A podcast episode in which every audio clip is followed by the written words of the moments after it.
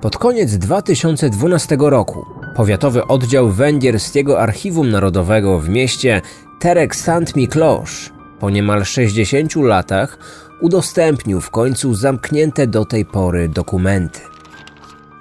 Węgierscy historycy czekali na ten dzień dobrych kilkanaście lat. Przed upadkiem komuny dostęp do tych akt miało zaledwie kilku badaczy. Jednak zanim w ogóle pozwolono im przejrzeć te pożółkłe strony policyjnych raportów, musieli oni podpisać specjalne zobowiązanie, że nie będą upubliczniać zawartych w archiwum szczegółów. Później sytuacja polityczna w kraju diametralnie się zmieniła. Reżim upadł. Socjalizm stał się jedynie przykrym wspomnieniem. W dźwigającym się z kolan państwie były ważniejsze problemy niż powracanie do dawno zapomnianych spraw kryminalnych. Jeśli już ktoś przypomniał sobie o serii tajemniczych zaginięć nastolatek z lat 50., to chcąc przyjrzeć im się bliżej, trafiał na twardy jak skała mur biurokratycznych przepisów. A one mówiły jasno: akta tej sprawy nadal są zamknięte. Węgierski pisarz Rubin Szilard po raz pierwszy zetknął się z tą sprawą już w latach 60. Znał kilku wpływowych polityków, więc jako jeden z nielicznych mógł przeczytać policyjne raporty. Szczegóły, które poznał, wstrząsnęły nim tak bardzo, że przez następnych 40 lat nie mógł przestać myśleć o tych wydarzeniach. Na ich podstawie pisał powieść, a jednocześnie prowadził swoje prywatne śledztwo, ponieważ nie wierzył w oficjalną wersję śledczych. Książki nigdy nie ukończył. Po śmierci pisarza w roku 2010 rękopis jego kontrowersyjnej powieści został odnaleziony na strychu jego domu. Dwa lata później, po odpowiednim zredagowaniu i ocenzurowaniu, powieść, której tytuł można przetłumaczyć jako Mali Święci, w końcu została na Węgrzech wydana. Fakt, że opisywała prawdziwe wydarzenia, które swojego czasu wstrząsnęły całym krajem, przypominał miejscowym dziennikarzom o tej dawno zapomnianej sprawie. Ich wnioski o odtajnienie całej dokumentacji przyniosły zamierzony skutek. Kilka tygodni po premierze powieści, węgierskie archiwum na polecenie MSW zostało otwarte. Jednym z pierwszych dziennikarzy, który odwiedził archiwum, był Tibor Legat z czasopisma Madziar Narancz. Powiedzieć, że był wstrząśnięty tym, co przeczytał, to prawie jak nic nie powiedzieć. W serii swoich późniejszych reportaży nazwał on opisywane przez siebie wydarzenie jako najczarniejsza karta w historii węgierskiej kryminologii. Aby poznać te wydarzenia, musimy cofnąć się w czasie – do Węgier z połowy lat 50. ubiegłego wieku, do kraju pełnego kontrastów i problemów, wielkiego przegranego II wojny światowej.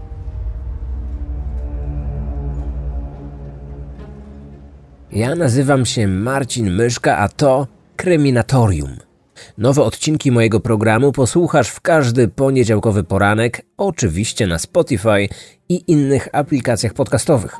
Zachęcam do obserwowania i subskrybowania podcastu, a w przypadku Spotify także do wystawienia oceny i włączenia powiadomień. Kryminatorium. Otwieramy akta tajemnic. 13 października 1953 roku 11-letnia Marika, jak każdego dnia, pasła krowy na przydomowym pastwisku.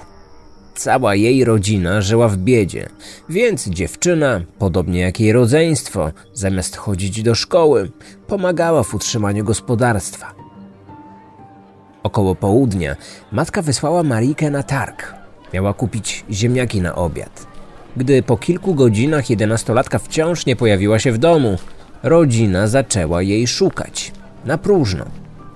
Wieczorem powiadomiono miejscową policję. Funkcjonariusze od razu zabrali się do pracy. Przepytali sąsiadów i koleżanki zaginionej. Pierwsze relacje były ze sobą zgodne. Tuż przed godziną pierwszą Marika była widziana w towarzystwie dużo starszej od siebie koleżanki.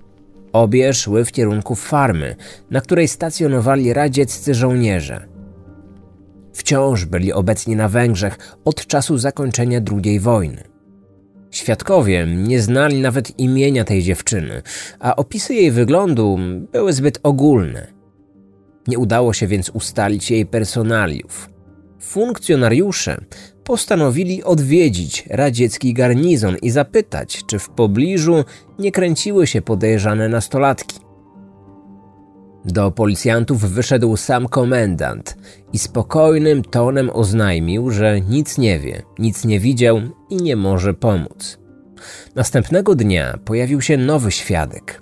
Trzynastoletnia Maria potwierdziła, że widziała dwie dziewczyny, młodszą i starszą. Widziała je w pobliżu radzieckiego garnizonu. Znała Marikę, więc zapytała ją, dokąd idzie. W odpowiedzi usłyszała, że porozmawiać z Rosjanami. Maria, pomimo swojego młodego wieku, dobrze już wiedziała, w jakim celu miejscowe dziewczyny odwiedzały to miejsce. Dla nikogo nie było tajemnicą, że żołnierze Armii Czerwonej słynęli ze swojego zamiłowania do miejscowych kobiet. Wykorzystując ich trudną sytuację życiową, niekiedy oferowali jedzenie za kilka wspólnie spędzonych z nimi chwil. Zmuszone przez biedę kobiety często godziły się na taki układ. Choć nikt w mieście o tym głośno nie mówił, wszyscy zdawaliśmy sobie sprawę z tego, że tak się właśnie działo. Zaskoczona Maria zapytała Marikę, czego ona chce od Rosjan. Zwróciła jej przy tym uwagę, że jest ona przecież jeszcze za młoda, aby odwiedzać żołnierzy. Jedenastolatka na te słowa wzruszyła tylko ramionami i ponaglana przez swoją dużo starszą towarzyszkę poszła dalej. Gdy Maria widziała je po raz ostatni, jeden z żołnierzy wpuszczał obie dziewczyny przez bramę na teren garnizonu. Policjanci po usłyszeniu tej relacji zaczęli się zastanawiać, dlaczego poprzedniego dnia komendant ich okłamał. Czyżby nie wiedział o tej wizycie? A może po prostu nie chciał o niej wiedzieć? Wielu świadków widziało zaginioną, jak szła w kierunku farmy, ale żaden nie widział, aby z niej wracała. Nawet jeśli w głowie funkcjonariuszy pojawiły się jakieś czarne myśli, to nikomu o swoich obawach nie powiedzieli. Nic nie zapisali w policyjnym raporcie. I to z prostego powodu nie mogli. W latach 50. XX wieku komunistyczne władze wszystkich krajów Europy Środkowej, znajdującej się pod sowieckim wpływem, wpajały swoim obywatelom propagandę na temat bratniego narodu radzieckiego, wymuszając przy tym wdzięczność żołnierzom za ich trud i poświęcenie w wyzwoleniu Europy spod hitlerowskiej okupacji. Podziękowania i ukłony dla radzieckich żołnierzy, tak, jak najbardziej. Jednak jakiekolwiek oskarżenia ich o dokonywanie złych uczynków, o tym nie mogło być nawet mowy. Nie inaczej było na Węgrzech. Tamtejsi policjanci podczas wielu szkoleń i apeli przekonywani byli, że powinni brać przykład ze swoich kolegów z ZSRR, że tam przestępczość niemal ustała – że dzięki cudownym metodom radzieckich śledczych w Związku Radzieckim nie dochodzi do okrutnych zabójstw czy tajemniczych zaginięć. Że przecież tak potworne zbrodnie obecne są jedynie w zgniłym od kapitalizmu zachodzie. Węgierscy śledczy zamiast najnowszej wiedzy kryminalistycznej poznawali więc kolejne punkty służbowego regulaminu sporządzonego de facto w Moskwie.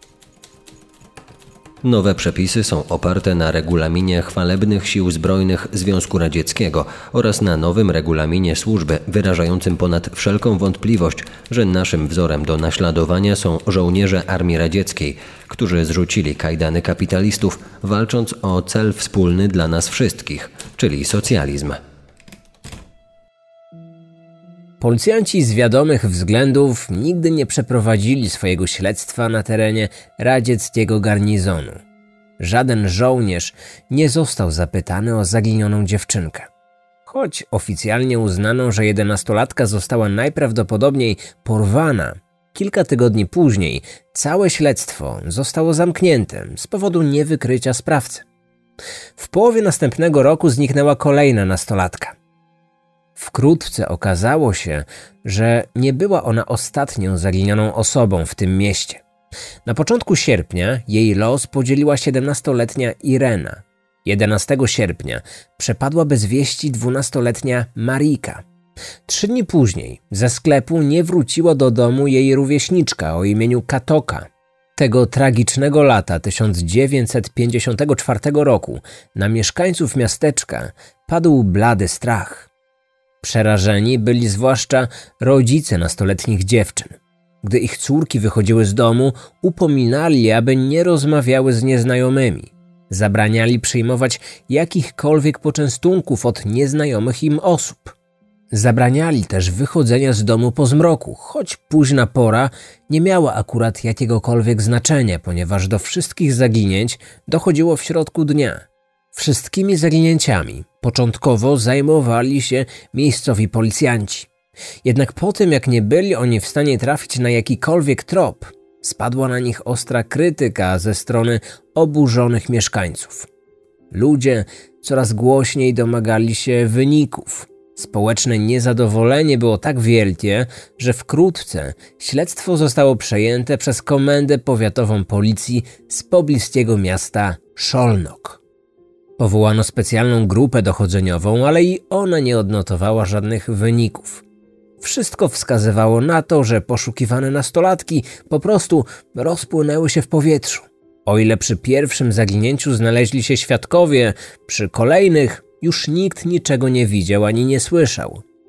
Śledztwo szybko stanęło w martwym punkcie.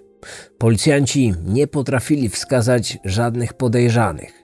Zwykli ludzie nie mieli już takiego problemu. Ich zdaniem dziewczynki zostały porwane przez radzieckich żołnierzy. Ich podejrzenia opierały się głównie na braku jakiejkolwiek pomocy ze strony Rosjan podczas poszukiwań dziewczynek. Dopiero gdy o ich pomocy poprosiły władze powiatowe, jeden jedyny raz przejechali samochodem przez miasto, odczytując przez głośnik rysopisy zaginionych nastolatek. Demonstrowali przy tym jawną niechęć do mieszkańców oraz nieukrywane rozbawienie – Tymczasem podejrzliwość miejscowej ludności zaczęła się udzielać policjantom. Wielu z nich także miało ciarki i z pewnością nie chcieli, aby ich pociechy spotkał ten sam tragiczny los. Jednak jakiekolwiek próby przesłuchania radzieckich żołnierzy natychmiast kończyły się niepowodzeniem. Węgierskie władze z całą stanowczością zabraniały nie tylko oskarżania o cokolwiek przedstawicieli Sowietów, ale również umieszczania w policyjnych raportach jakichkolwiek informacji o podejrzeniach w stosunku do nich. Jedna dwunastolatka zeznała, że trzech żołnierzy próbowało namówić ją do pójścia z nimi. Gdy odmówiła i zaczęła uciekać, poszczuli ją psem. Tylko umiejętność szybkiego wspinania się po drzewach uchroniła ją przed pogryzieniem. Inna dziewczynka, jedenastoletnia, opowiedziała, jak Rosjanie zaproponowali jej cukierki za kilka pocałunków, a jej rówieśnica została zaczepiona przez dwóch pijanych żołnierzy, gdy szła do babci. Napastnicy obiecali jej worek ziemniaków za wspólny spacer. Gdy zaczęła uciekać, gonili ją, ale nadmiar alkoholu sprawił, że nie zdołali jej dogonić. Podobne relacje policja od razu definiowała jako niewiarygodne. Tłumaczyli, że żaden ze świadków nie widział sytuacji, o których mówiły nastolatki. Wkrótce oskarżenia pod adresem przyjaciół ze wschodu nagle ucichły. Wtedy podejrzenia zaczęły padać na wszystkich innych, a policja za wszelką cenę starała się znaleźć winnych. Rozpoczęła się wielka obława. Zatrzymywano wędrujących po okolicy Cyganów. Przesłuchiwano przejeżdżających przez miasto kierowców państwowych ciężarówek. Raz zatrzymano przejeżdżającego przez pole kukurydzy motocyklistę, wiozącego małą dziewczynkę. Choć mężczyzna tłumaczył, że wiezie własną córkę i tak trafił do aresztu. W trakcie przesłuchania, po odmowie przyznania się do porwań, został pobity przez funkcjonariuszy. Wypuszczono go dopiero następnego dnia, kiedy okazało się, że od początku mówił prawdę. Pojawiły się również doniesienia, że za zniknięciem nastolatek stoją miejscowi Żydzi, którzy mieli potrzebować krwi dzieci do swoich rytuałów. Oskarżenia padły także na dyrektora miejskiego zakładu pogrzebowego. Tylko szybka interwencja funkcjonariuszy uchroniła mężczyznę od linczu dokonanego na nim przez rozwścieczony tłum. W ostatnich dniach sierpnia przed komisariatem policji w Szolnok zebrał się ponad tysięczny tłum. Ludzie domagali się szybkiego odnalezienia porwanych dziewczynek i ukarania winnych.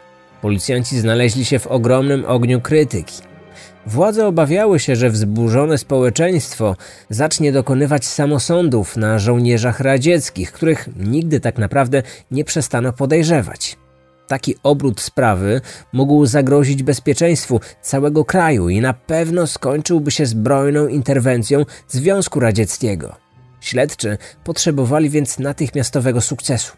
Kilka dni później nieoczekiwanie uśmiechnęło się do nich szczęście. 2 września, tuż po 9 rano, na komisariacie w Terek St. Miklosz wbiegła roztrzęsiona 21-letnia Isztwana.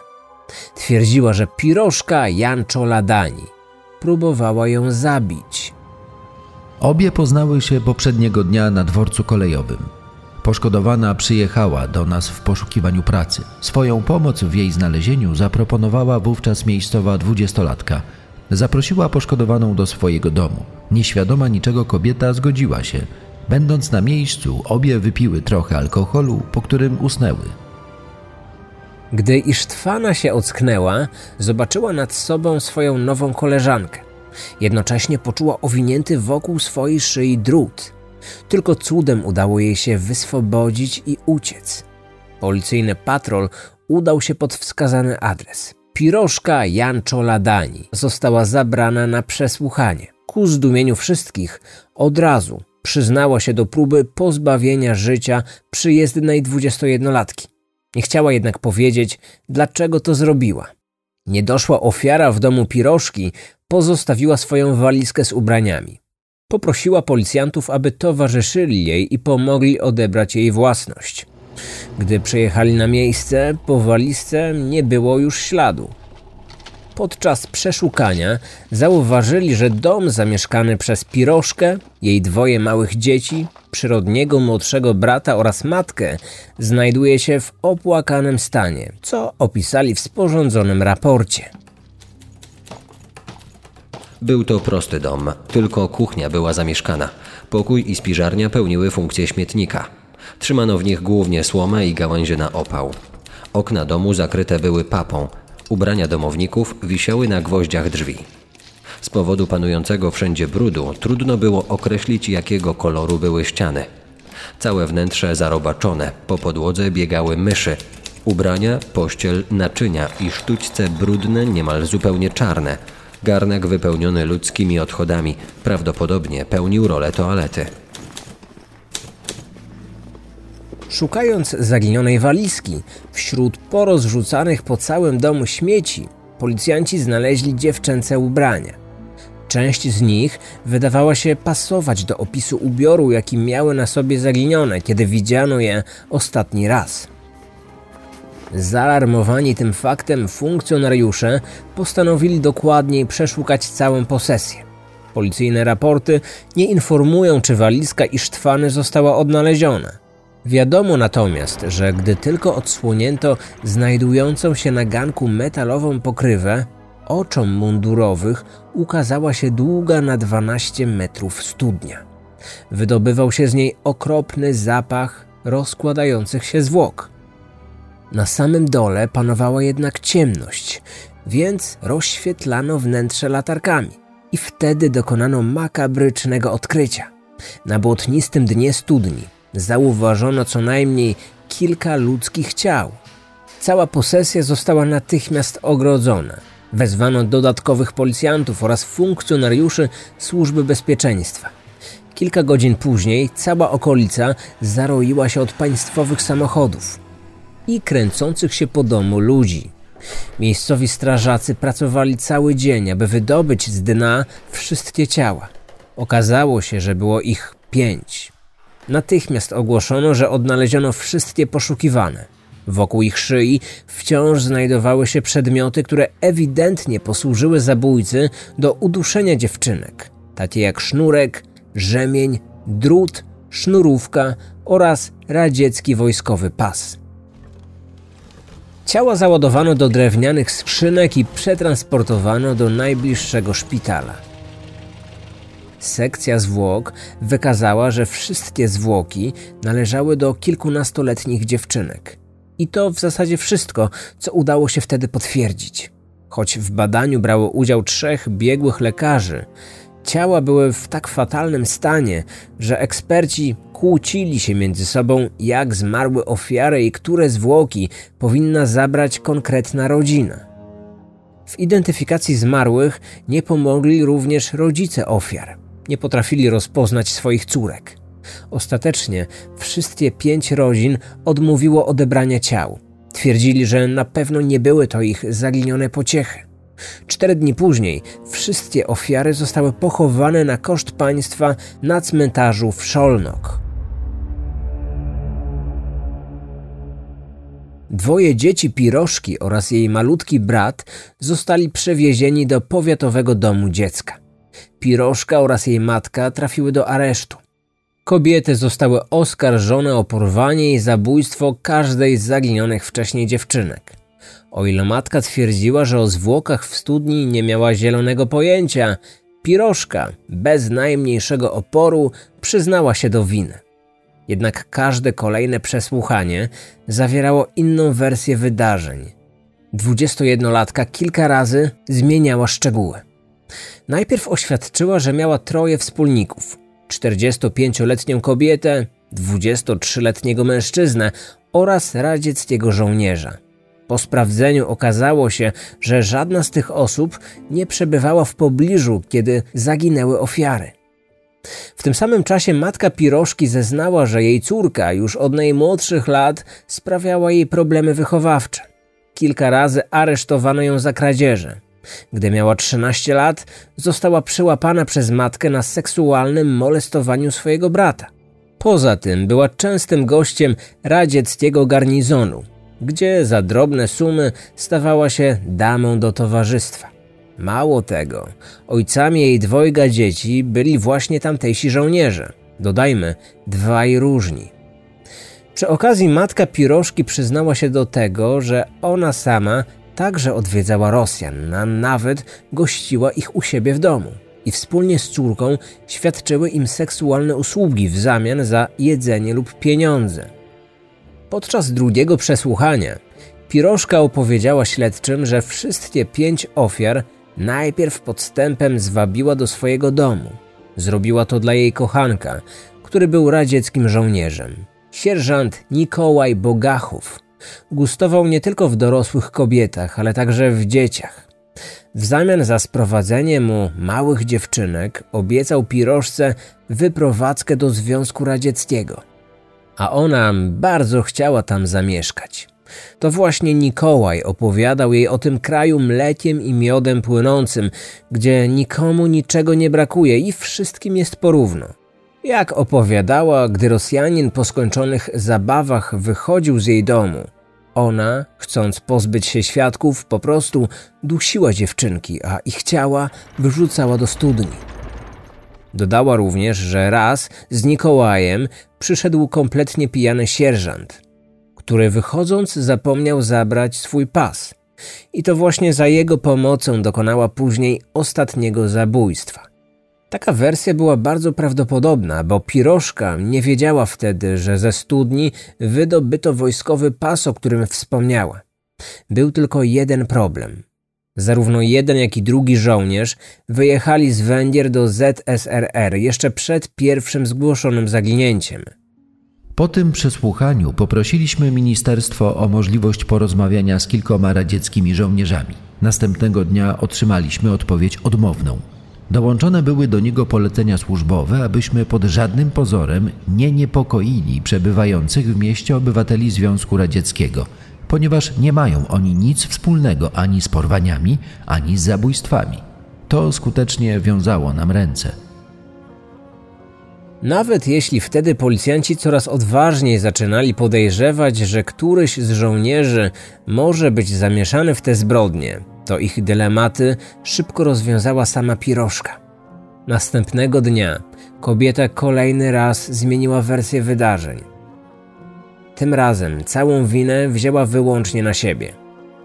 Twierdziła, że odkąd tylko jej ciało zaczęło dorastać, czuła silny pociąg do małych dziewczynek. To uczucie wzrosło u niej jeszcze bardziej, gdy pewnego dnia kupiła na targu książkę zawierającą pornograficzne ilustracje przedstawiające roznegliżowane młode kobiety. Aby zaspokoić swoje chore żądze, zaczęła zwabiać do domu napotkane przypadkowo nastolatki. Robiła to tylko wtedy, gdy jej matka spędzała noc w radzieckim garnizonie. Zamykała się z nimi na strychu i tam wykorzystywała je seksualnie. Gdy skończyła, swoje ofiary dusiła i wrzucała do studni. Później znów zmieniła zdanie. Tym razem po raz ostatni. Wyraźnie zaznaczając, że najpierw dziewczynki zabijała, a dopiero później wykorzystywała ich ciała. O współudziale żołnierzy kłamała tylko dlatego, że bardzo wstydziła się tego, co robiła. Proces odbył się za zamkniętymi drzwiami, ponieważ na rozprawie omawiane były kwestie związane z moralnością i seksualnością, których ujawnienie byłoby sprzeczne z interesem publicznym. Początkowo postanowiono nie zezwolić na udział w procesie rodzinom ofiar. Później zmieniono zdanie i ostatecznie rodzice zamordowanych dziewczynek pojawili się na rozprawie. Pirożka przyznała się do zarzucanych jej czynów. Podtrzymała również swoje ostatnie słowa.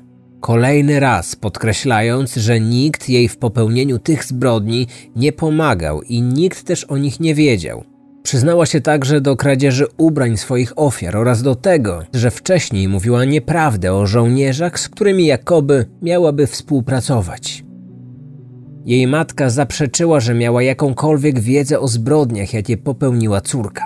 A mimo to kobieta została skazana na dwa i pół roku więzienia. Jako jej winę sąd uznał fakt, że niedostatecznym wychowaniem córki pośrednio przyczyniła się do tego, że stała się ona morderczynią. Obrońca Pirożki wnosił o ułaskawienie swojej klientki ze względu na młody wiek oraz z powodu tego, że zamiast jej matki musiała ją wychowywać ulica.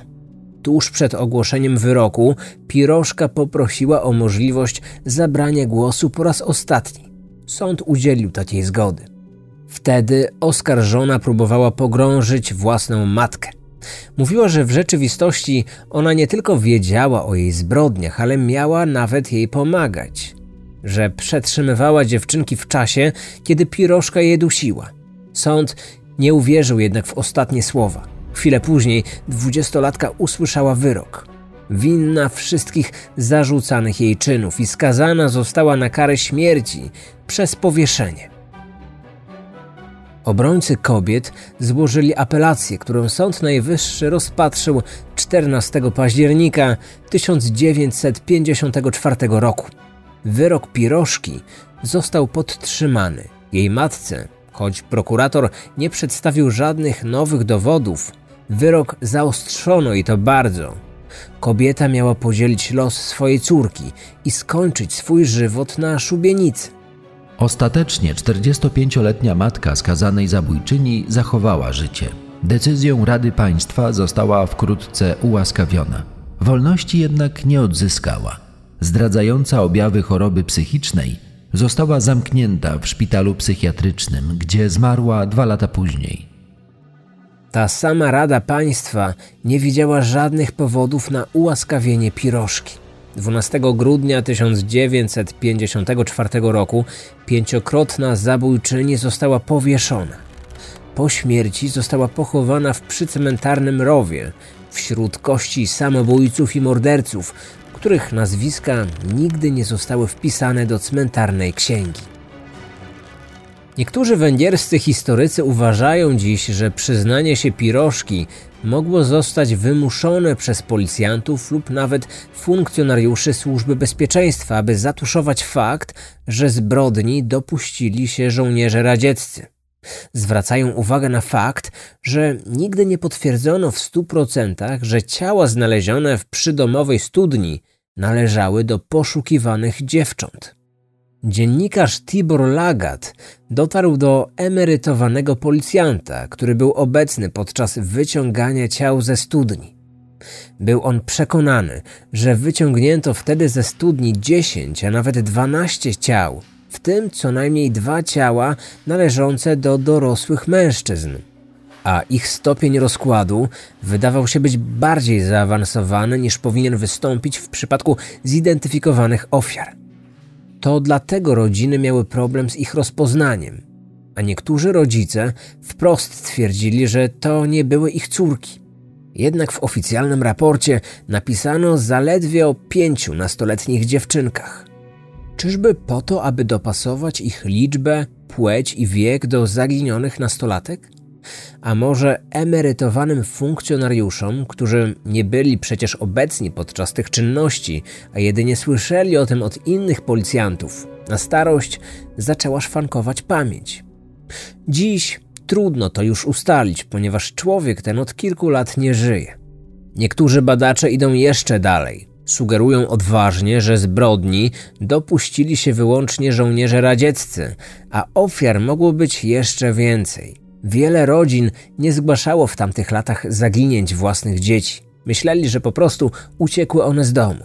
Czy sprawcy w tajemnicy podrzucali zwłoki do studni w domu kobiet, u których często się zabawiali? A może robili to w porozumieniu z Pirożką i jej matką, za co kobiety otrzymywały od nich żywność i pieniądze? Takiej wersji także nie odrzucają badacze. Jednak jak sami podkreślają, są to tylko i wyłącznie ich hipotezy, niepodparte dowodami. Tak czy inaczej, do podobnych zaginięć młodych dziewcząt i dzieci dochodziło w pobliżu radzieckiego garnizonu jeszcze wiele lat po egzekucji Pirożki. Tak przynajmniej twierdzą ludzie, którzy tam wtedy mieszkali. Podobno policja zbytnio się tymi zaginięciami nie interesowała, a już na pewno nie wiązała ich ze sprawą Pirożki. Przecież gdyby to przyznali, Pirożka mogłaby się okazać jedynie kozłem ofiarnym, skazanym na śmierć tylko dlatego, żeby odwrócić uwagę opinii publicznej od prawdziwych sprawców. Póki nikt nie udowodnił, że tak faktycznie mogło być, nie pozostaje nam nic innego, jak tylko uwierzyć w oficjalną wersję węgierskich śledczych i nadal traktować młodą pirożkę jako jedną z najsławniejszych i najokrutniejszych węgierskich seryjnych morderczyń. Odcinek powstał na podstawie reportaży takich dziennikarzy jak Tibor Legat, Mesarosz Geza, Zoltan Nać i Zoltan Bati. Wykorzystano również książkę o węgierskich seryjnych zabójcach autorstwa Ottu Faragu.